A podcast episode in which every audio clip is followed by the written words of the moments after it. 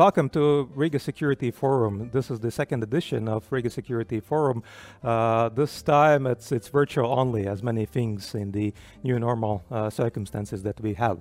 And uh, we had the the first edition um, uh, with Andris Spruds and the president of Latvia, uh, Mr. Egils Levits. the the second edition of the discussion was devoted to NATO in 2030 with Ambassador Liegis and Baiba Braže from NATO. And today uh, we have the uh, third episode, and this is naturally devoted to the uh, election in the United States. Uh, and uh, I have to say, unfortunately, things are not yet that clear. It's too soon to make a call, but nevertheless, we will make our best try to, to explain things in the United States and how they could impact uh, the transatlantic link and the Baltic states in particular. And uh, I have a great pleasure to welcome uh, Professor Daniel S. Hamilton, who is joining us from Washington, D.C. Welcome, Professor. Uh, Professor Hamilton Professor Hamilton is uh, director of uh, programs devoted to the European Union and two institutions in DC.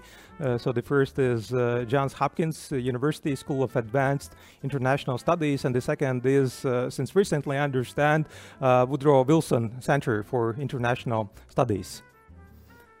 Yes, thank you and uh, and professor is is uh, is uh, not only uh, experienced in the academic affairs but has been also official with the Department of State and has held uh, senior positions over there. So that's why we will have uh, not only you know like uh, dry academic uh, reflections, but also reflections based in experience.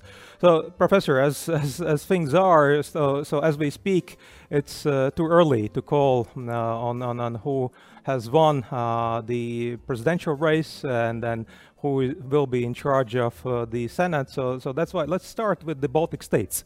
Baltic states and the, the United States. And uh, may I ask you, what is the image of the Baltic states in the United States uh, in DC? Because obviously, uh, most of the Americans probably are not uh, that much uh, interested in the region.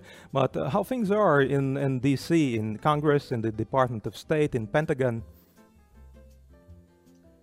Well, thank you again for hosting me here today. I appreciate it. I send greetings to all my friends in uh, Latvia and the, in the region. Well, uh, I think besides the election, uh, he asked about the Baltic states, they have a, uh, a very high reputation in the United States to the extent that people do pay attention, as you say. Usually, uh, Americans are focused on issues at home uh, and generally on foreign policy. But those who do pay attention to Europe and to issues regarding transatlantic security, for instance, of course, have a very strong, I think, impression of the Baltic states, each of them individually. I think it's a bipartisan approach. I don't think there is a partisan divide when it comes to thinking about our uh, mutual uh, shared values and commitment to each other's security. I think you have seen um, administrations of led by each party, Democrat or Republican, have supported uh, Baltic uh, membership in NATO. Uh, you know, the Baltic accession to NATO had to be bipartisan, just the way our system works. You have to get two thirds of the U.S. Senate to agree, so that requires uh, always bipartisan consensus, and, and we had it. I was in the Clinton administration when we set the frame for further NATO enlargement. I think it's important, maybe for our Baltic friends, to think about this that the real debate about you know the principle of further NATO enlargement after World War after the Cold War came with the accession of Poland, Hungary, and the Czech Republic before you know we approached the Baltic issue. And at that time in the Senate, the Republicans had the majority, but they asked a Democrat who they had great confidence in to lead the debate to get accession, and that was Joe Biden. So, very unusual that in a Republican controlled Senate, a Democrat, Senator Joe Biden, was asked to get the bipartisan consensus done for NATO enlargement. So uh, it, it speaks a bit to the role of the of I think this region, Central and Eastern Europe, that the U.S. remains committed to it. I think regardless of administration, and uh, it's it's a positive feeling. And you see a lot of the Baltic American community in the United States was very active in the elections, whichever way they, you know, their partisan uh, differences took them, but uh, very active. I think both sides courted that community in terms of winning them over for their side. But in terms of substance and going forward, I think one should not have concerns about any turnaway of U.S. commitment. Thank you. And uh, there were also some unfortunate uh, situations uh, uh recently with, with money laundering and, and similar issues. Is that uh, also an issue that uh, has impact on the Baltic image, especially of Latvia's? Well, here is, I think the question is probably Latvia's choice. Um, the trends are leading to Joe Biden becoming the next president of the United States he has said that corruption uh, is so endemic around the world, it has become a national security issue. And uh, he has said publicly that he would elevate that issue as sort of integral to broader national security strategies. So I think if that's the case, and we do have a Biden administration, one would hope that Latvia and other EU and NATO uh, colleagues would join that effort we tend to focus on problems and corruption coming from Russia and other countries, China. But you know, many of our societies we enable that corruption through our by not paying attention to our own laws or enforcing our own procedures.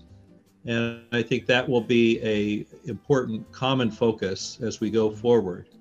I was just uh, working with some colleagues on Balkan issues, so in southeastern Europe, and the problem of corruption there, you know, is really, really serious. Um, so it's not it's not an issue, you know, that targets Latvia or any other country. It is a a general and increasing problem, particularly because the digital revolution is enabling people to, you know, move all sorts of types of illicit money, all sort all sorts of places.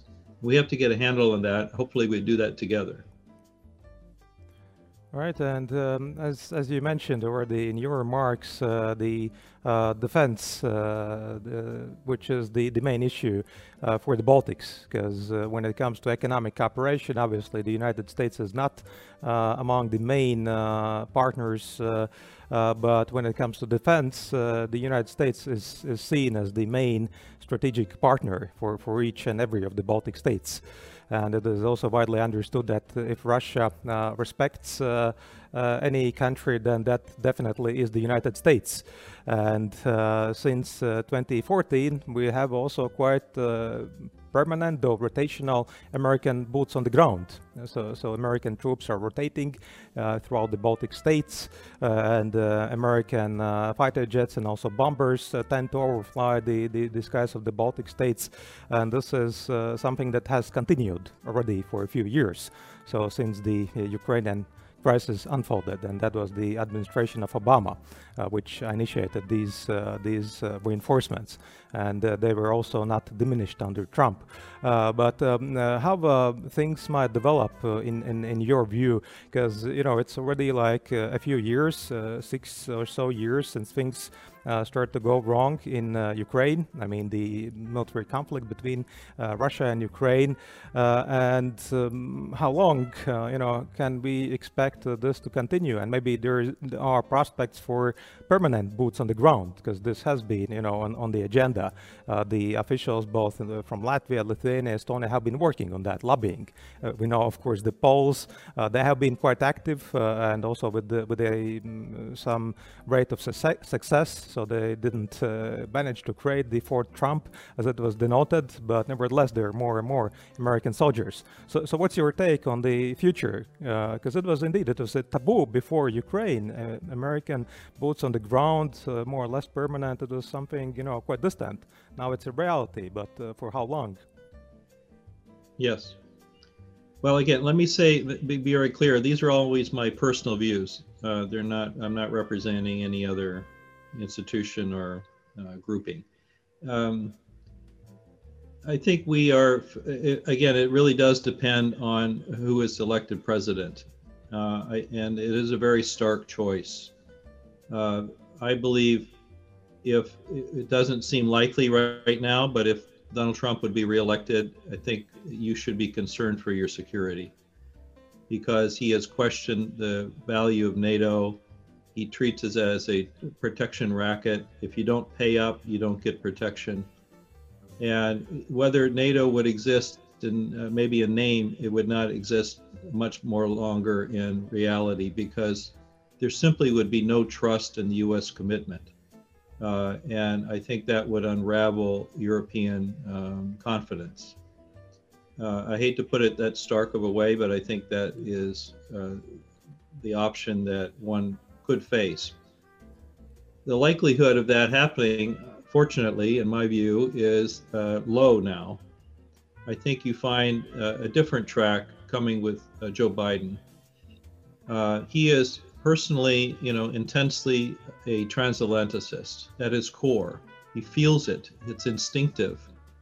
It's not something he has to learn. And he has called NATO a quote, sacred duty.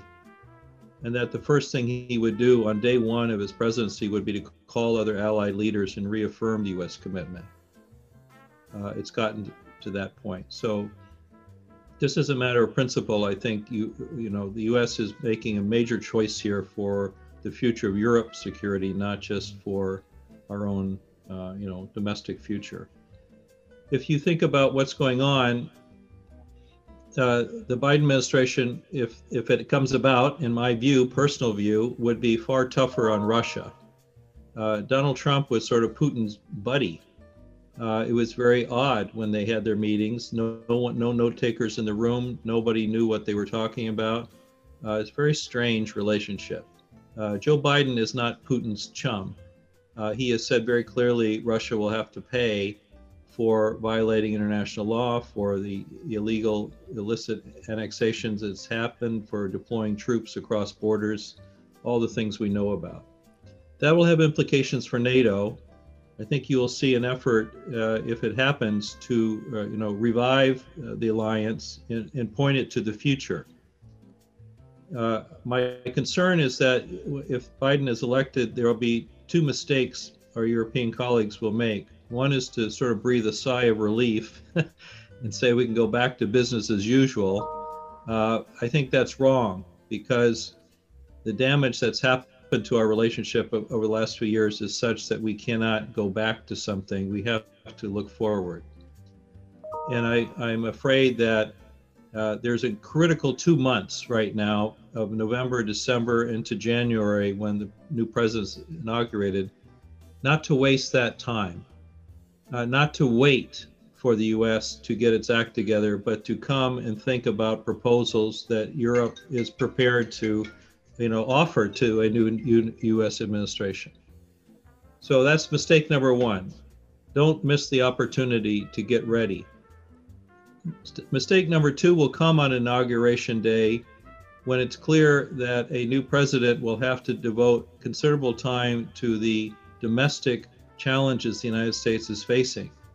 You're seeing it on the television screens. The election is a reflection of it.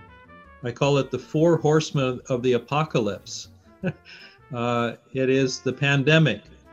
Today we have 100,000 cases a day, 100,000 cases a day in this country of new infections. That's a record. It's getting worse. We never left the first wave of the pandemic. It's only getting worse, and this will have to be addressed.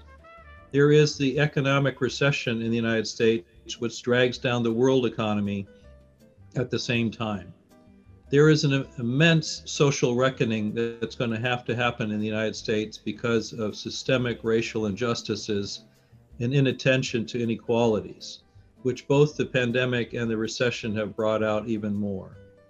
And finally, there's four, a four year legacy of Donald Trump in which the rest of the world is wondering about America's you know, steadiness. And that'll have to be addressed. I can see European commentators saying, well, then Biden's becoming isolationist. I think that's wrong because foreign policy starts at home. And if the United States can't help itself, it won't ever be able to help others. So I would hope European allies would wish us well as we clearly have to tackle this uh, immense challenges at home, sort of as a basis for our ability to be a reliable ally abroad. It'll take a little time, uh, but I think you'll see Joe Biden, if he's elected, uh, you know, engage in a reassurance effort. There's no reason why we can't think of transatlantic recovery together. There's no reason why we can't build down barriers to medical uh, equipment trade and work together on a vaccine. Uh, all these things are possible if our instinct is to turn to each other uh, in such crisis, which I think uh, will now be, uh, you know, back. That's the back to normal part. We're we are each other's, as Joe Biden has said, quote, partners of first resort. First resort. You turn instinctively to your closest partners when you have some problem, and I think that's what we will will now see. Uh, what it means for Russia is, I think, nothing good for Mr. Putin because he won't have a buddy in the White House. And you'll see a much tougher uh, U.S. position. Thank you, Professor. And uh, you mentioned that uh, Joe Biden is a transatlanticist, as, as quite many um, senators and, and representatives uh, in the House. Uh, but uh, not only the president is uh, re-elected or elected. Now it's it's also about the Congress. Uh, and uh, there might be quite so many new faces. And we have, you know, always officials, at least here in, in Riga and Tallinn and Vilnius, have said that even though Donald Trump is the, the president, we have very strong and bipartisan support in the Congress.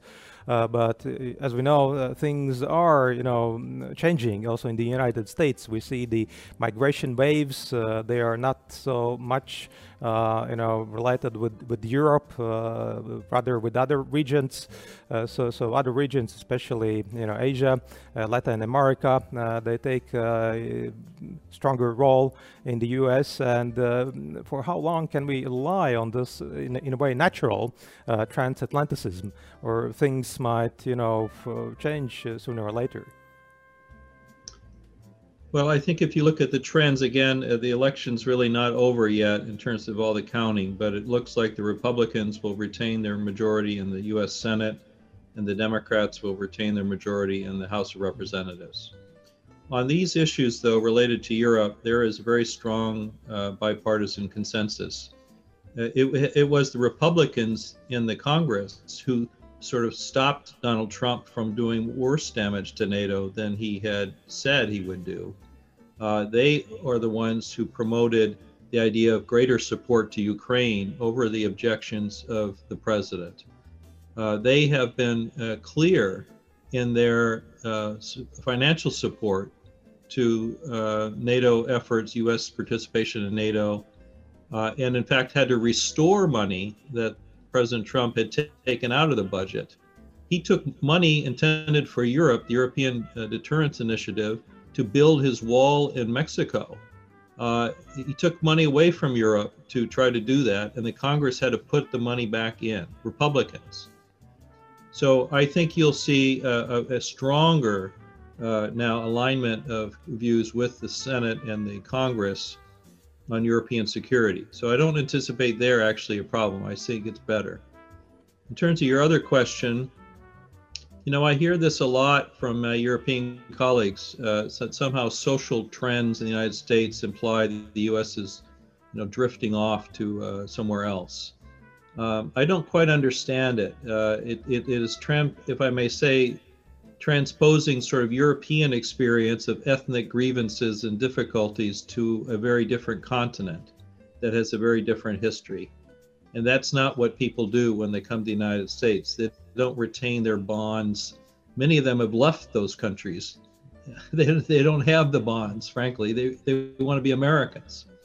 And any uh, any polls that you look at over decades will show that on basic questions of vital U.S. national interest, there is not a you know a Hispanic American opinion or a Black American opinion or Asian American opinion. It is an American opinion. There are no differences between ethnic you know oriented groups on the core questions of U.S. national security. There's just no evidence to show that whatsoever. When there's concern in Europe about the so called pivot to Asia, uh, one has to just, of course, recall the United States doesn't have the luxury of choice. We are a Pacific and an Atlantic power. We've never had to choose. We don't have we don't have the ability to choose. We are important to stability on both areas of the world and will re- remain so. Uh, it, it, reflects a bit more, if I may say again, a, a European sense of its own uh, issues rather than looking up. China's rise presents significant challenges to global order. Uh, it is becoming a, competitor and a presence all through Europe. Uh, it challenges basic principles of the global commons, freedom of navigation, the Arctic, uh, questions about uh, outer space, uh, rules based order. Those are all questions that are not very far away from NATO or the Baltic states. They are, of course, issues right at home that we should confront, confront together. So the world is changing, but I think the anchor is still the transatlantic uh, relationship, and I think that will now continue. And it's not rooted in social societal differences in the in the United States. That that's really just the wrong way to focus on uh, trends in, in the US. If the US drifts away from Europe, it's because uh, it, it doesn't think Europe is offering the kind of help that it needs. The United States wants a Europe that's a you know a counterpart to it, not a counterweight. And you hear often some European politicians say the whole purpose of the European Union is to build, quote, a counterweight that was a quote by the German foreign minister, the current German foreign minister. If that's the purpose of the EU to build a counterweight to the United States, that is an abandonment of the entire history of European integration and certainly would never find US support. Who would be surprised if it didn't? It has to be a much more uplifting vision for Europe than something like that.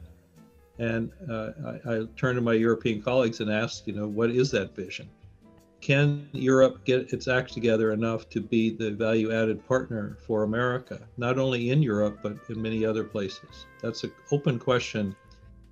And that's why I say use the two months right now to get ready for an administration that's going to ask more of Europe, not less of Europe, because it expects more from its closest partner, not less. It wants to do more. Uh, but it will expect that the Europeans come with proposals and suggestions. Yeah, indeed, uh, it's it's not a one-way road; it's a two-way road, and and uh, of course, it's it's not only that uh, we should expect something, also America is expecting from us, from Europe, I mean. Uh, but uh, if I may ask you, what uh, would you suggest, for example, for Baltic states? What else could we do here uh, in the Baltics because uh, now uh, all three countries they spend 2% of GDP for defense, which has been the, the, the loudest request by, by the Trump administration and not only. Uh, so, so we are moving uh, on with with defense. Uh, there are uh, serious steps uh, taken, uh, you know, to, to clean the financial system in in, in terms of prevention of money laundering and, and other activities. even though modestly, the the at least Latvian soldiers are deployed to, to missions operations abroad. Uh, it's it's also the case with with other uh, Baltic counterparts. so what else uh, could we do? What would be most appreciated on the other shore of the ocean? Right. Well, again, just a point of historical fact: the two percent was set by the Obama Biden administration, not the Trump administration, uh, before Trump ever became president. So that's been an important benchmark. But I think the question we have to ask is not how much money we spend, but what we get for our money, and whether 2% is the right metric for that question. Uh, I think uh, we have to, uh, my suggestion would be to, again, personal view, let's use NATO as a vehicle to uh, update our alliance and turn it to the future.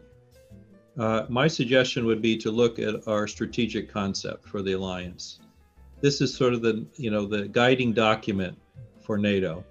It's updated every once in a while to reflect, you know, the new realities. But it's very odd, it has not been updated since 2010. If you read it today, it's so out of date, it's embarrassing, frankly. It was it, it was written before Russian intervention in Ukraine. You know, it was written before a whole host of issues that we've had to face, uh, and it's out, just it's out of date. So I think if we use that process, take a year, which usually takes a long time to get these documents right, right. Have a quick summit next spring, and between that summit and a later summit, uh, engage in a strategic concept review. Uh, I think that's where Latvia and, and other allies could make a real difference by including your voices in what NATO should be for the future. And not, let's not rest on what NATO was in the past. There are new generations, you know, in our countries who need to understand NATO's future relevance, not that it was there during the Cold War or what we did in Afghanistan. That's not relevant to many of them. They want to know what are we doing for the future. So I think we owe that by engaging in a new process. If you ask me, I would say it's a simple my you know my simple frame would be the foundation for a new strategic concept would be for us to reaffirm the fundamental commitment we make in the North Atlantic Treaty, uh, and that is to preserve our free institutions. Alliance cohesion our ability to work together based on shared values is the foundation of the alliance. We, it has come under severe strain in recent years, led by, frankly, the United States. But many other allies, if we're honest, have also seen some backsliding on democratic values. And as an alliance committed to those values, we have to look ourselves in the face together and say, we have to shore this up. We're not going to be credible unless we commit to that again. If we can do that, uh, then that's the foundation for what we can do specifically. That means, again, reaffirming Article 5, our mutual defense agreement as part of the North Atlantic Treaty. It means updating deterrence and defense in ways that are more adept. If you think about the Baltic states, my personal view, we should have a NATO air policing uh, mission. Uh, air police, the Baltic states are never going to have your own, you know, separate ability to do this. We have sort of been cobbling this together for years without really a satisfactory arrangement. Uh, I think NATO should consider how to do that. We should consider, in fact, more permanent stationing of forces. Uh, and these are all questions we need a consensus on, but these are ones I would personally think we should look at. Another core task that we need to look at, I think it's still relevant, but we need to update it, is crisis management. That's in the original, that's in the 2010 strategic concept. It has come to mean sort of how do we deal with crises like Afghanistan and things very, very far away from NATO. But I think we have to look closer to home as well and how we can use all the tools of the alliance to deal with crisis, how we manage crises or prevent them from, you know, getting out of hand. The third core task of the alliance is cooperative security. Again, I think that's a good term, but it has come to mean how we work with partners. Uh, you know, the partnership for peace.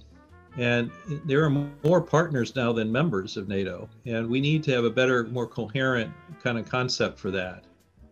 And back to my point about China, and so on, I think we should consider a NATO Indo Pacific Council. It would be a council between NATO and other democratic partners of the alliance uh, through the Indo Pacific. That would give us a, a, a, way to have a common assessment of broader challenges, as I mentioned, the global commons and others that we could share together. It's not expanding NATO to the Pacific, it's simply expanding our consultative possibilities with like-minded partners. But my real breakthrough, I think, and where Latvia and, uh, and neighbors could make a real difference to the United States is to think of a new core task what I would call comprehensive resilience. If we think to the real challenges people worry about today, security, it is disruption to how our societies work right? All the critical functions of our societies, uh, infrastructure, electricity, getting food, uh, you know, transportation, everything that makes society work, free societies work, are susceptible to, you know, massive disruption today, either from intentional actors or from things like the pandemic. Uh, and we're not resilient enough to those challenges and those are really security challenges. So I think we should lift the notion of resilience now and make it a core task and define together uh, NATO's role in that task. NATO doesn't have to lead on all of those kinds of issues. Sometimes it would be the supporting organization. But you see, in the pandemic, NATO has had to do a lot of crisis management and resilience efforts to help, you know, weak countries. It also opens a new way of NATO and the EU to work together because resilience, frankly, is the leading area of NATO EU cooperation. So that's a big agenda. It's an energetic, ambitious one. But I think Latvia has the experience with having to be a resilient country that will help us understand how to operationalize that notion. So, in all those areas, you don't have to be big a big country to contribute. I think uh, sometimes the experience of smaller countries and things like resilience are more relevant, frankly, and more critical uh, to the kind of debate we have. So I hope we will em- embrace a robust, activist, energetic, uh, you know, campaign to reinvent the alliance for the future. Thank you, Professor, for the reflection. And also, uh, China, I have to ask uh, on, on, China maybe a bit more specifically. Uh, of course, uh, you know, China is a big issue. Uh, it is, it is uh, ever growing power in, in many ways. And there has been also more of China here in the Baltics and uh, you know the, the Belt and Road Initiative and the 16 plus 1 now 17 plus 1 format in 2016 uh, Riga hosted the summit of uh, 16 plus 1 uh, format. And Latvia was quite energetic in engaging with China uh, but things have changed since then uh, a bit I would say so. Not only you know China has become more restrictive in, in recent years but there is also um, if I may put it so a kind of fatigue because uh, there were high hopes of the economic engagement, but uh, well, uh, we, we do not see uh, that uh, visible results uh, so far. Uh, but it's clear that uh, you know there will be uh, you know more and more issues with China, and we understand that there's also a bipartisan understanding in the Congress that that China is is the main uh, competitor or put it adversary. Uh, what would you suggest uh, for the Baltic states on how to approach China in, in, in regards also with the transatlantic dialogue? So, so how to, to deal with China in, in a way that does not attract negative attention from the states? Mm-hmm. Right. Well, again, I think uh, you're right. There's a bipartisan consensus now, but I think the tactics uh, of how to address uh, China are, are, are different. Uh, the Trump administration was guided by the slogan of great power competition. But what they meant really was just China. They kind of ignored Russia. Uh, Joe Biden has said very clearly, he says, Russia is our greatest threat, not China. China is our greatest rival, and there is a big difference. One needs to, you know, not lump those two countries into one basket, but look at the challenge each presents on its own. And I think that would be one distinctive uh, difference with a different administration. The second is that uh, President Trump tried to take on China on on his own and beat up his allies, uh, rather than trying to get them engaged in a common sort of approach. Joe Biden is the opposite. He, instinctively, he will, again, partner of first resort is Europe. You turn to the Europeans to say, what should we do now? What do you think? Let's get this act together. Because we actually, I think, across the Atlantic agree on many issues uh, that are troubling that are coming from China. My suggestion is just to take actually the EU's own frame and let's make that a transatlantic one. And the EU has said uh, they think of China in three ways. First of all, in some areas, China could in fact be a partner. Let's focus together on what are those areas and where we might want to engage China. Uh, global health issues clearly is one. Uh, climate change certainly is one. We have worked with China on anti piracy issues, for instance. So there are some areas where uh, we, we could think of China as a partner. The second area the EU has talked about is China as a competitor. And here the EU has tended to mean economic competition. And here the EU and the US fundamentally agree on most of the problems China has created by not living up to its responsibilities in the WTO, of uh, state, you know, subsidies, state-owned enterprises not, you know, sort of holding to the rules, restricting uh, investment uh, in China, forcing Western companies to hand over technology. I mean, a whole host of things where we agree. So let's just, you know, and together we are the we are half the global economy, together. So not China. So uh, we have considerable resources to engage China as a competitor. And then thirdly, the issue of China as a systemic rival. China today is questioning basic principles of the rules based order. It's either trying to erode those principles or it's trying to establish alternative principles. And that over time is uh, problematic.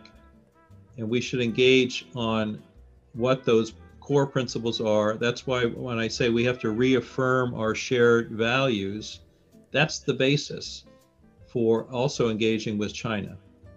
So I think that would be a, a, positive agenda for the transatlantic relationship. It gets us on the right track. It's realistic with China. It doesn't paint China into a corner. It says to uh, Chinese leaders, uh, there are areas we want to work with you on. We have some problems in some areas, and we have to think about world order and how we structure that uh, as we go forward. I think that's a realistic agenda. Uh, it should be done with our European partners and not against them, which has been the last four years. Professor Hamilton, thank you so much for, for your uh, views on, on how are things in the US uh, and, and, with regards to Baltics and the transatlantic alliance at large. Thank you very much for joining us from Washington, D.C. And uh, we will follow, of course, how things will unfold in the United States and, and, and we'll try to use uh, also the suggestions that you provided. Thank you very much. Thanks goodbye. so much. It's great to be with you. I appreciate it. Thank you.